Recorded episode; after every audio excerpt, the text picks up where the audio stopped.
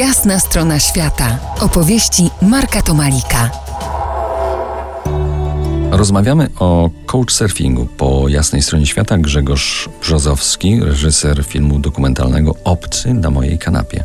To właśnie twój film stał się pretekstem do naszego spotkania. Parafrazując Franka Zappę, mówiąc o filmie, to trochę jak tańczyć o architekturze. Niemniej jednak spróbujmy potańczyć filmowo o couchsurfingu. W dokumencie przedstawiasz cztery przeplatające się etiudy dotyczące couchsurfingowych spotkań na polskiej ziemi. Kim są obcy na tych polskich kanapach? Bardzo zależało mi na tym, aby pokazać różnorodność postaw e, ludzi, którzy angażują się w couchsurfing. Mamy więc osoby w różnym wieku, różnej płci, różnych zawodów, na różnych e, etapach swojego życia. Jest tu młoda matka, są bardzo tradycyjne siostry, jest e, wyemancypowana motocyklistka, jest też emerytowany inżynier.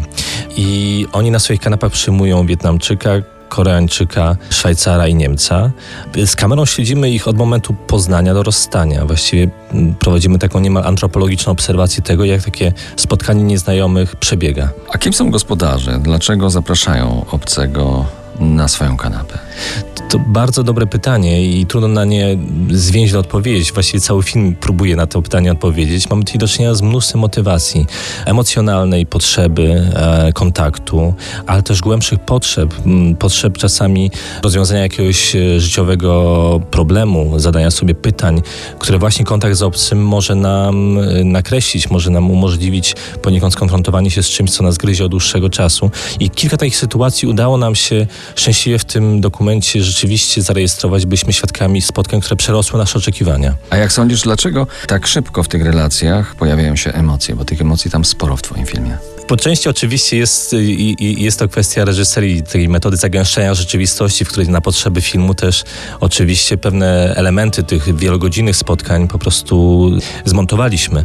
Ale niezależnie od tego, Couchsurfing skupia grupę ludzi, którzy rzeczywiście mają określoną otwartość emocjonalną na, na obcych. To nie są ludzie, którzy reagują lękiem, stereotypami na, pierwszą, na pierwszy kontakt z kimś z innej kultury.